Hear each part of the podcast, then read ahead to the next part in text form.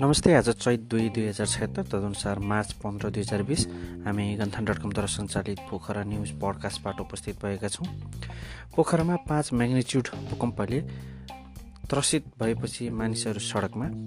गण्डकीमा पाँचजनाको कोरोना परीक्षण तिनजनाको negative report.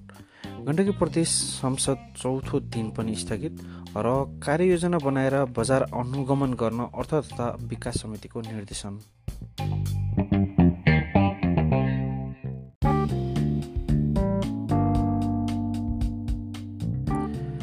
Gandaki प्रदेशमा कोरोना भाइरसको आशंकामा लिएको पाँचवटा परीक्षण मात्रै तिनजनाको नेगेटिभ आएको छ भने दुईवटा रिपोर्ट आउने क्रममा छ।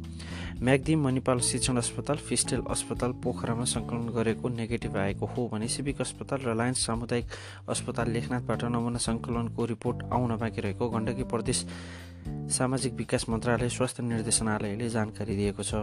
दुईवटा रिपोर्ट सोमबार आउने बताइएको छ। गण्डकी प्रदेश सरकारले कोरोना विरुद्धको तयारी तीव्र पारेको छ। नियमित जसो अनुगमन र समन्वयमा काम गरिरहेको स्वास्थ्य निर्देशनालय गण्डकीले जनाएको छ।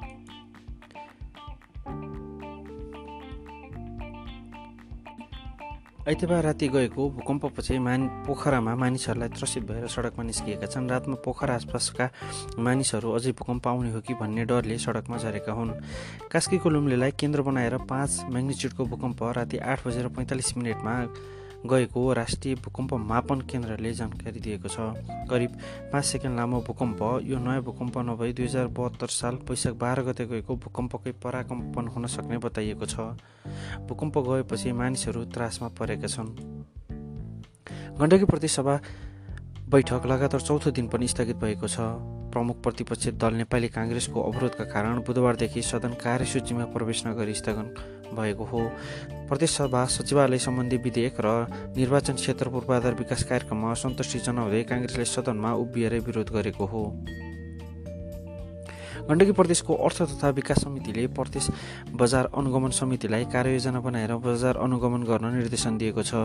आइतबार समितिले प्रदेश बजार अनुगमन समितिका पदाधिकारीहरूसँग पछिल्लो बजारको अवस्थाका बारेमा छलफल गर्दै समितिले बजार अनुगमन कार्ययोजना बनाउन बनाएर गर्न र त्यसको रिपोर्ट त्रमै त्रैमासिक रूपमा अर्थ तथा विकास समितिमा पेश गर्न पनि अनुगमन समितिलाई निर्देशन दिएको छ।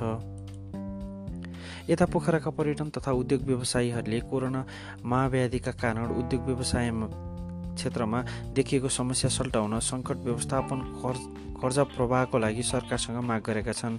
उनीहरूले सङ्कटका कारण व्यवसाय बन्द भए मानव संसाधन नै तितर बितर हुने अहिले नै व्यापार बचाउन आवश्यक रहेको तर्क गरेका छन्। पोखराको उद्योगी व्यवसायीहरूको प्रति प्रतिनिधि मण्डलले आइतबार उप प्रधान तथा रक्षा मन्त्री ईश्वर पोखरेल पोखरेल परराष्ट्र मन्त्री प्रदीप गेवाली अर्थमन्त्री युवराज खतिवडा र पर्यटन मन्त्री योगेश भट्टराईलाई ज्ञापन पत्र बुझाउँदै सो माग राखेको प्रति प्रतिनिधिमण्डलका सदस्य तथा पोखरा उद्योग वाणिज्य महासङ्घ पोखराका महासचिव अर्जुन पोखरेलले बताए।